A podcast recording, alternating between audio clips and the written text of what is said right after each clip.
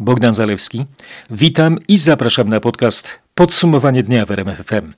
Dziękuję, że zdecydowaliście się posłuchać syntezy wydarzeń omówionych przez naszych dziennikarzy w faktach oraz na stronie rmf24.pl. To 27 stycznia, środa. Oto najważniejsze wydarzenia, najistotniejsze sprawy i najciekawsze wypowiedzi z ostatniej doby. Temat aborcji znów rozpala spory w Polsce. Trybunał Konstytucyjny opublikował pisemne uzasadnienie werdyktu z października. Stwierdził wtedy niekonstytucyjność przepisu dopuszczającego aborcję w przypadku dużego prawdopodobieństwa ciężkiego i nieodwracalnego upośledzenia płodu. Publikacja wywołała gniewne reakcje. Wieczorem rozpoczęły się manifestacje przeciwników werdyktu w Warszawie i innych miastach. Spada liczba szpitalnych łóżek zajętych przez chorych na COVID-19, ale wciąż jest dużo ofiar epidemii. Czarne chmury nad głową posła Zbigniewa Giżyńskiego. Polityk PiS zaszczepił się przeciwko koronawirusowi jako wykładowca Uniwersytetu w Toruniu. Wywołało to polityczną burzę. Zapowiadana jest też kontrola na uczelni. Drugi przypadek brytyjskiej odmiany koronawirusa w Polsce. Zaraziła się nauczycielka z Wrocławia. Najstarszy żyjący mężczyzna w Polsce został zaszczepiony przeciwko COVID-19. Posłuchajcie, w jakim jest wieku i jak wspaniały to człowiek. W podcaście także o Międzynarodowym Dniu Pamięci o Ofiarach Holokaustu oddamy głos ocalonym z zagłady. Joe Biden wchodzi w buty Donalda Trumpa w relacjach z opozycyjnymi mediami, ale zaraz znajduje obrońców swoich złośliwości. Rosja nałoży kary na potężne serwisy Facebook, Twitter, TikTok, Instagram i YouTube. W związku z protestami w sprawie antyputinowskiego opozycjonisty Aleksieja Nawalnego. Polska chce stworzyć własny system satelitów obserwacyjnych. Cel osiągnąć cybersuwerenność. Nasza biatlonistka Monika Hołnisz-Starenga mistrzynią Europy w biegu na 15 kilometrów.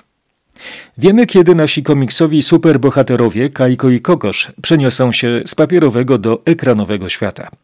Premiera w Netflixie 28 lutego. Bardzo zmysłowa polska kolekcja w wirtualnym tygodniu mody w Paryżu. Posłuchajcie do końca, aby się choć na chwilę oderwać od niepięknej, dookolnej rzeczywistości. Trybunał Konstytucyjny opublikował w środę uzasadnienie pisemne werdyktu z 22 października. Orzekł wówczas o niekonstytucyjności przepisu dopuszczającego aborcję w przypadku dużego prawdopodobieństwa ciężkiego i nieodwracalnego upośledzenia płodu. Werdykt od środy mógł być już opublikowany w Dzienniku Ustaw. W podsumowaniu dnia Tomasz Skory. Jakie są najważniejsze tezy tego uzasadnienia? Poza obszernymi rozważaniami prawnymi wprost odpowiada na pytanie, czy duże prawdopodobieństwo ciężkiego i nieodwracalnego upośledzenia płodu lub nieuleczalnej zagrażającej jego życiu choroby może być przyczyną przerwania ciąży. Trybunał w zasadzie powtórzył w nim to, co już w październiku mówił, ogłaszając wyrok sędzia Justyn Piskorski. Trybunał Konstytucyjny podziela pogląd, że wszelkie możliwe wątpliwości co do ochrony życia ludzkiego powinny być rozstrzygane na rzecz tej ochrony. Kluczowym określeniem są te wszelkie możliwe wątpliwości, nie obejmujące roz rozróżniania wad płodu na śmiertelne i inne. Wyrok to po prostu pełny zakaz przeprowadzenia aborcji w wypadku wątpliwości i związany z tym powrót działań ogólnopolskiego strajku kobiet. Jeśli do tej pory mówiliśmy o piekle kobiet, to w tym momencie będziemy musiały zacząć mówić o piekle dla rządu. Po prostu zgotujemy wam piekło, nie podarujemy tego. Te słowa Klementyny Słuchano wpadły natychmiast po publikacji uzasadnienia. Na ulice Warszawy i innych miast wieczorem wyszli przeciwnicy werdyktu. Manifestujący pojawili się przed siedzibą Trybunału Konstytucyjnego. Przyszły tam też liderki ogólnopolskiego strajku kobiet, które podczas konferencji prasowej przed protestem, jak słyszeliśmy, nawoływały do wyjścia na ulicę. Demonstranci mieli ze sobą transparenty takie jak wolność wyboru zamiast terroru, to jest wojna. Niektórzy mieli ze sobą tęczowe flagi i emblematy strajku kobiet. Część uczestników protestu nosiła zielone bandany nawiązujące do proaborcyjnych demonstracji w Argentynie. W podcaście dwa przykładowe obrazki z ulicznych wystąpień w innych miastach. Krakowie demonstranci zgromadzili się na ulicy Retoryka przed siedzibą PiSu. Ja jestem y, córką, jestem siostrą, jestem przyjaciółką, jestem ciocią. Y, jestem ogromnie przejęta i ogromnie boli mnie dzisiaj serce, ponieważ stało się coś bardzo złego. Odebrano nam godność, odebrano nam wolność. Nie możemy na to pozwolić. Ja apeluję do wszystkich, apeluję do wszystkich kobiet. Bądźmy solidarne i wywalczmy sobie wolność. Rząd na bruk, bruk na rząd. Z takimi hasłami ponad 200 osób zebrało się wieczorem przed katedrą w Katowicach. To jest y, skandal, że w momencie, w którym brakuje szczepionek, ludzie starsi nie mogą się zaszczepić, a my jako młodzi jesteśmy na samym końcu. Oni akurat teraz publikują ten wyrok tylko po to, żeby przykryć to, że brakuje właśnie szczepionek i że służba zdrowia jest w rozsypce.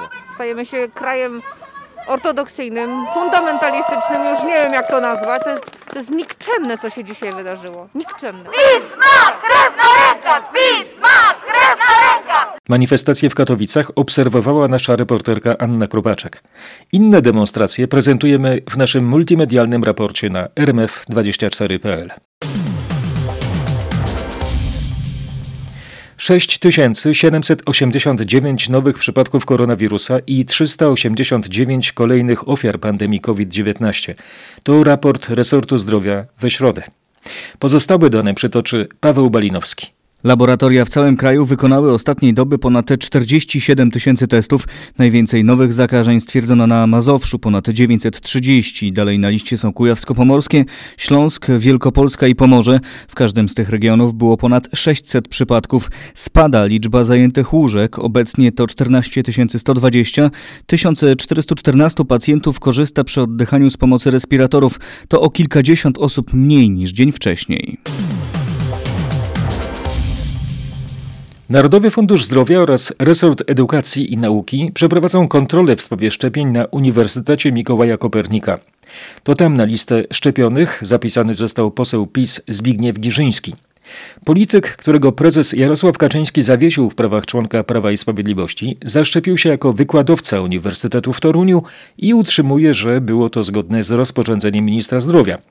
Jest to sytuacja absolutnie nieakceptowalna, komentuje jednak minister Adam Niedzielski i całą winę zrzuca na uczelnię i posła. W podsumowaniu dnia Mariusz Piekarski.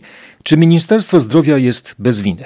Według ministra Niedzielskiego tak, bo to uczelnia poinformowała swoich pracowników, że jest możliwość szczepienia w ramach etapu zero. Pracodawca, czyli rektor, wpisał osoby nieuprawnione na listę, która została zgłoszona jako osoby do szczepienia. Z tym, że poseł Giżyński zapisał się w grudniu, gdy nie było jeszcze rozporządzenia rządu o kolejności szczepień, tylko wytyczne. Ministerstwo wyjaśniało toruńskiej uczelni, że szczepieni mogą być wyłącznie pracownicy Wydziału Medycznego, ale wtedy Giżyński już miał skierowanie na szczepienie i to wystawione przez podległe Ministerstwu Zdrowia Centrum E-Zdrowia. I mimo to minister nie ma sobie nic do zarzucenia, choć sam zapewnia. Mamy możliwość weryfikacji i pilnowania przede wszystkim kolejki. A do tego rozporządzenie, które w końcu opisało kolejność szczepień, potwierdziło ważność wszystkich wcześniej wystawionych skierowań.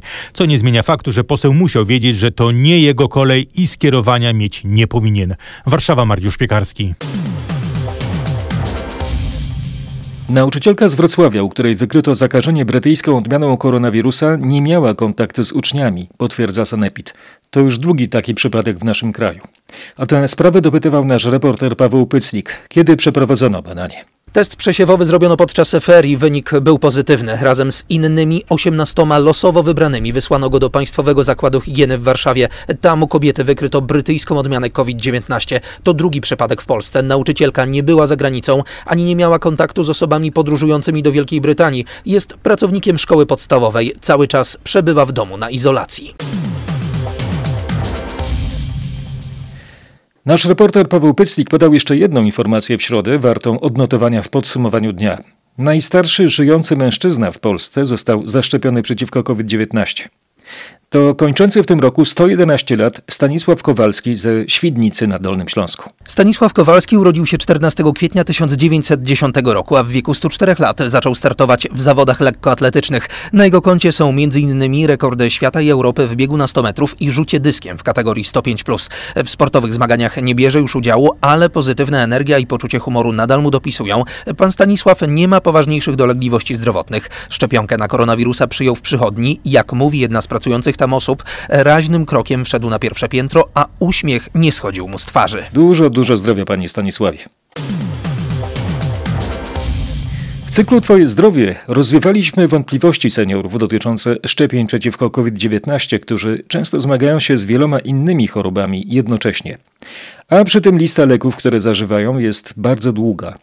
Czy szczepionka nie spowoduje komplikacji? Tłumaczy dr Krzysztof Czarnobilski. No wręcz przeciwnie. Y, wielochorobowość wiąże się z dużym ryzykiem groźnych powikłań. Jedynym sposobem, by temu zapobiec, jest właśnie profilaktyka w formie szczepień. Natomiast wielolekowość y, również nie jest przeciwwskazaniem do przyjęcia szczepionki. Problemem natomiast może być ciężka reakcja anafilaktyczna. Na przykład jeżeli ktoś wcześniej miał wstrząs anafilaktyczny y, po jakimś środku, który jest składnikiem szczepionki. Wielu seniorów z niecierpliwością czeka na swoją kolej w akcji szczepień przeciwko koronawirusowi. Już nieraz przekonali się, że ich organizm nie radzi sobie nawet z niewielką infekcją, a co dopiero z COVID-19. Właśnie wystarczy drobne zakażenie, jakakolwiek drobna infekcja, by powstał tak zwany efekt domina, gdy wszystkie narządy ulegają dysfunkcji. Może to nawet przecież doprowadzić do zgonu. Y, jedynym sposobem, by temu zapobiec, jest właśnie profilaktyka w formie szczepień. Podkreślał dr Krzysztof Czarnobilski, specjalista chorób wewnętrznych i geriatrii. A jeśli ktoś jeszcze ma obawy, czy może się zaszczepić, bo na przykład zmaga się z wieloma chorobami, niech odwiedzi portal Twoje zdrowie rmf24.pl. Z pokonaniem pandemii jest trochę tak jak ze zdobyciem K2 zimą, mówił obrazowo w porannej rozmowie w RMFFM Paweł Borys, prezes Polskiego Funduszu Rozwoju, który rozdziela rządową pomoc dla przedsiębiorców. Pytany o bunt kolejnych restauratorów, którzy otwierają swoje interesy, podkreślił, że tarcza antykryzysowa dotyczy 45 branż, a pieniądze są. Tak Paweł Borys skomentował problem zarysowany przez Roberta Mazurka. Ta druga tarcza, która jest już nie dla każdego, jest dla wielu jakąś masakrą, bo przecież zdecydowanie nie wszyscy dostają pieniądze z drugiej tarczy, czyli z tej, która obowiązuje w tym roku. Nie wszyscy tej pomocy w tej chwili potrzebują. Tarcza dzisiaj dotyczy 45 branż, no głównie właśnie gastronomii, hotelarstwa, klubów fitness. Natomiast działa na takich samych zasadach jak wiosna. No w Polskim Funduszu Rozwoju można uzyskać subwencję e, w ciągu kilkunastu godzin składając wniosek. Paweł Borys i Robert Masurek. Wideo rozmowa jest w całości na rmf24.pl. Zakopiański Sanepid nałożył pierwsze kary na przedsiębiorców, którzy mimo obowiązujących przepisów epidemicznych zdecydowali się otworzyć swoje biznesy. Powiatowy inspektor sanitarny Beata Trojańska nie ujawnia jednak, ile takich decyzji wydano. My jako inspekcja sanitarna wszczynamy i prowadzimy postępowania administracyjne. Te postępowania są prowadzone cały czas. Ta kara, restauracja na przykład, karczmy, to jest od 10 do 30 tysięcy. Jeszcze nie jesteśmy poinformowani o, o kwocie. W tych skierowaniach do ukarania nie ma zapisane żadnej kwoty. To są mocne naciski i my to naprawdę mocno odczuwamy, aczkolwiek tak już kiedyś wspominałem o tym, że te działania chyba nas bardziej wzmacniają i nie od odwiodą nas już od tego kroku, który rozpoczęliśmy. Skomentował decyzję Paweł Drabik, który jako pierwszy zdecydował się otworzyć kawiarnię w Zakopanem. Policja zatrzymała mężczyznę podejrzanego o włamanie do przychodni w miejscowości Iłowa Osada i kradzież leków oraz szczepionek przeciwko COVID-19. Piotr Bułakowski przekaże, co wiadomo o złodzieju. To 38-letni mieszkaniec gminy Iłowo-Osada. Jak dowiedziałem się od policjantów, wstępnie przyznał się do winy, zabezpieczono przy nim skradzione przedmioty. Nie wiadomo jednak, e, czy e, wszystkie. E, to będzie teraz weryfikowane. Wiadomo, że złodziej dostał się do przychodni wybijając wcześniej szybę. Zabrał trzy fiolki szczepionki, które można było podać 18 osobom. Skradzione zostały również różne lekarstwa. Szpital w Gorzowie Wielkopolskim jest bezlitosny dla pacjentów łamiących zakaz palenia na terenie placówki. Przekonał się o tym 60-letni mężczyzna leczony na oddziale chirurgii. Zapalił papierosa w oddziałowej toalecie. O tym, co działo się dalej, opowie nasz reporter Mateusz Chłyston. Personel, który dyżurował na nocnej zmianie, wezwał do szpitala policję. Policjanci z patrolu ukarali pacjenta 500-złotowym mandatem, przypominając, że palenia w placówkach ochrony zdrowia zakazuje ustawa z kwietnia 2010 roku. Ukarany pacjent został wcześniej przyjęty w trybie pilnym. Jak tłumaczą pracownicy szpitala, miał nadzieję, że w toalecie nikt go nie zauważy. To nie pierwszy taki incydent w gorzowskim szpitalu w ciągu ostatniego miesiąca. Poprzednim razem 61-letni pacjent zapalił papierosa przy łóżku, po czym od niedopałka zapaliło się prześcieradło i materac. Pożar na szczęście udało się wtedy w porę ugasić. Mężczyzna został jednak obciążony kosztem strażackiej akcji, a szpital zapowiedział skierowanie pozwu przeciwko niemu do sądu. Jest akt oskarżenia przeciwko Torcidzie, zorganizowanej grupie przestępczej o charakterze zbrojnym pseudokibiców jednego ze śląskich klubów piłkarskich. Prokuratura zakończyła śledztwo w sprawie 17 członków tego brutalnego gangu. Krzysztof Zasada poda więcej szczegółów, za co mają odpowiadać podejrzani. To prawie 100 zarzutów za przemyt narkotyków i handel nimi na dużą skalę, za wiele przestępstw przeciwko zdrowiu i życiu, bójki, pobicia, uszkodzenia ciała i wymuszenia, a także za nielegalne posiadanie broni. Śledztwo wykazało, że w skład działającej od 15 lat Torcidy wchodziło około 200 osób. Członkowie gangu musieli m.in. uczestniczyć w ustawkach i płacić składki na ewentualną pomoc dla tych, którzy trafią do aresztu. Według prokuratury do popełniania przestępstw używali broni palnej, maczet czy pałek teleskopowych. W śledztwie wykorzystano zeznania skruszonych członków gangu. Podejrzanym grozi 15 lat więzienia. Ponad 230 osób oszukanych, a wyłudzona suma to ponad 1 700 tysięcy złotych. To szczegóły aktu oskarżenia przeciwko dwóm obywatelom Rumunii, którzy działali w międzynarodowym gangu. Śledztwo w tej sprawie prowadzi Wydział Prokuratury Krajowej w Katowicach. Marcin Buczek opisze, jak działali oszuści. Oskarżeni y, posługiwali się podrobionymi dokumentami i podawali za obywateli Francji. Następnie założyli kilkadziesiąt rachunków bankowych, by na koniec oferować różnego rodzaju towary i usługi, ale z zawartych umów nigdy się nie wywiązywali, a zdobyte pieniądze natychmiast przelewali na inne konta. W ten sposób oszukali ponad 230 osób. Działali w kilku krajach Europy, m.in. w Rumunii, a w Polsce pojawiali się m.in. na Śląsku, Mazowszu, Pomorzu i w Wielkopolsce. Śledztwo w tej sprawie trwa, bo prokuratorzy starają się zatrzymać kolejne osoby z tego międzynarodowego gangu. Komisja Europejska przeszła do drugiego etapu procedury o naruszenie przez Polskę unijnego prawa w związku z działaniem Izby Dyscyplinarnej.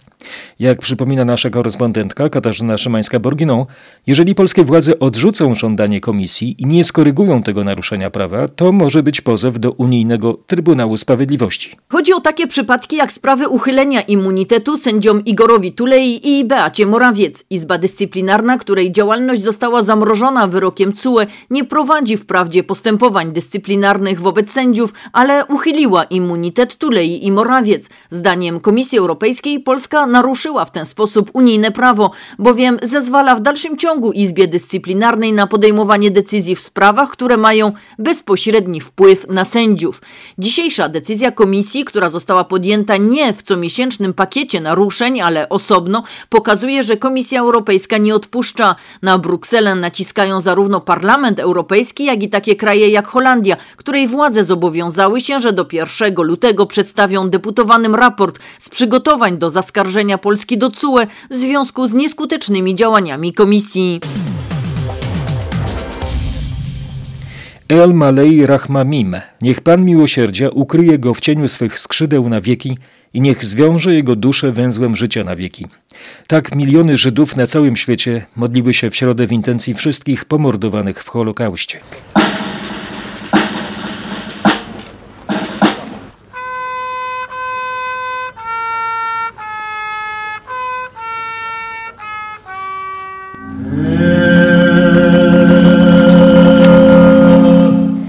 Rodzice zostali w kanale, bo nie dało się ich wyciągnąć. Jeden z braci Waldeje Szucha został wydany. I tak po kolei to wszyscy to złapani. No, po, po kolei ubywało, bo ja się mówię, ta cała historia to jest co? Ubywanie, ubywanie, ciągle kogoś ubywało z rodziny. Mam na cmentarzu tylko grób dziadka, który umarł jeszcze przed moim urodzeniem. Także to jest jedyne miejsce, gdzie, gdzie są jakieś szczątki moich no, krewnych powiedzmy, ale tak to, to nikt nie ma grobu, są tylko mojej pamięci.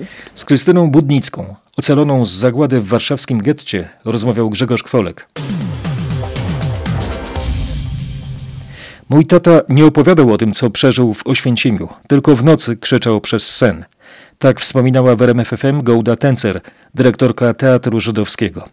Jej ojcem był Szmul Tencer, któremu w Auschwitz nadano numer 128 266. Tata bardzo mało mówił, nie chciał nas obciążać tą pamięcią, ale nie tylko u mnie w domu, w większości żydowskich rodzin, rodzice bardzo mało mówili o tym, co przeżyli. Rodzice mało, Mało. mówili. Pytanie, czy pytała pani tatę, no właśnie, o, o Majdanek, o Oświęcim, o Mauthausen, y, gdzie był y, wyzwolony? Myśmy wtedy nie zadawali tych pytań. Mhm. Myśmy nie zadawali, a później, kiedy mogłam już zapytać, to już taty nie było. Także nie mam nawet zdjęcia rodziny, nie mam nikogo, mam taką pustą ramkę, którą mam nadzieję, że kiedyś ją zapełnię. Gołda Tencer i Marcin Zaborski. Posłuchajcie tej rozmowy na rmf24.pl. Światowym Dniu Ofiar Holokaustu jednym z tych miejsc, w których nie da się zapomnieć o tej wielkiej niemieckiej zbrodni, jest były obóz zagłady na lubelskim Majdanku. Ze względu na pandemię jest zamknięty dla zwiedzających. W południe pracownicy muzeum zapalili jednak znicze przed pomnikiem ofiar tego piekła na ziemi. Przez obóz przeszło ogółem około 150 tysięcy więźniów. Około jednej drugiej to są więźniowie żydowscy.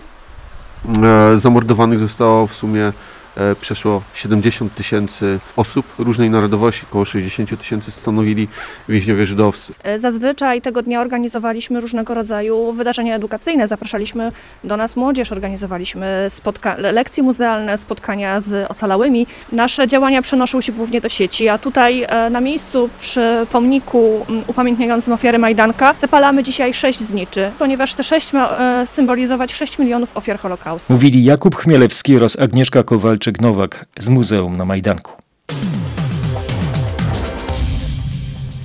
Ponad 100 tysięcy zgonów i wielki rachunek sumienia. Wielka Brytania opłakuje ofiary koronawirusa. W podcaście Londyn i Bogdan Frymorgan. Co mogło przyczynić się do takiego rozmiaru tej tragedii? Na pewno wprowadzenie z opóźnieniem pierwszego lockdownu, początkowe kłopoty z testami na koronawirusa i fiasko systemu, który miał tropić osoby zakażone i ostrzegać Brytyjczyków przed niebezpieczeństwem. Za to odpowiedzialny jest rząd i stanie się to tematem publicznego dochodzenia. Ale są czynniki od władz niezależne. Wielka Brytania ma starzejącą się populację i niezwykle gęste zaludnienie. Co roku odwiedzały ją dziesiątki milionów ludzi z całego świata. Statystyka zgonów jest przerażająca, a walka trwa nadal. To jeszcze nie czas na oskarżenia, bardziej na głębszą refleksję.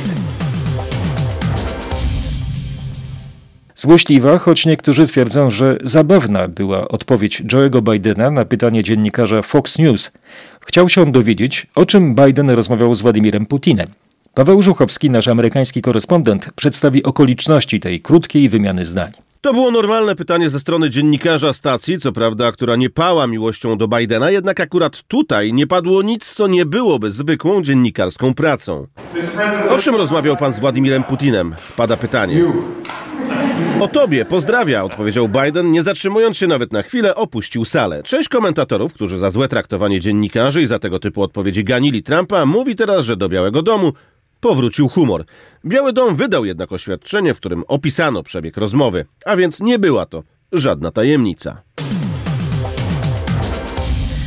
Facebook, Twitter, TikTok, Instagram i serwis YouTube będą ukarane za nieusunięcie wezwań do akcji protestu, które odbyły się w Rosji 23 stycznia, ogłosił w środę Roskomnadzor, rosyjski państwowy regulator mediów. Serwisy zostaną pociągnięte do odpowiedzialności za zaangażowanie niepełnoletnich w nielegalną działalność, czytamy w komunikacie na stronie internetowej Roskomnadzoru.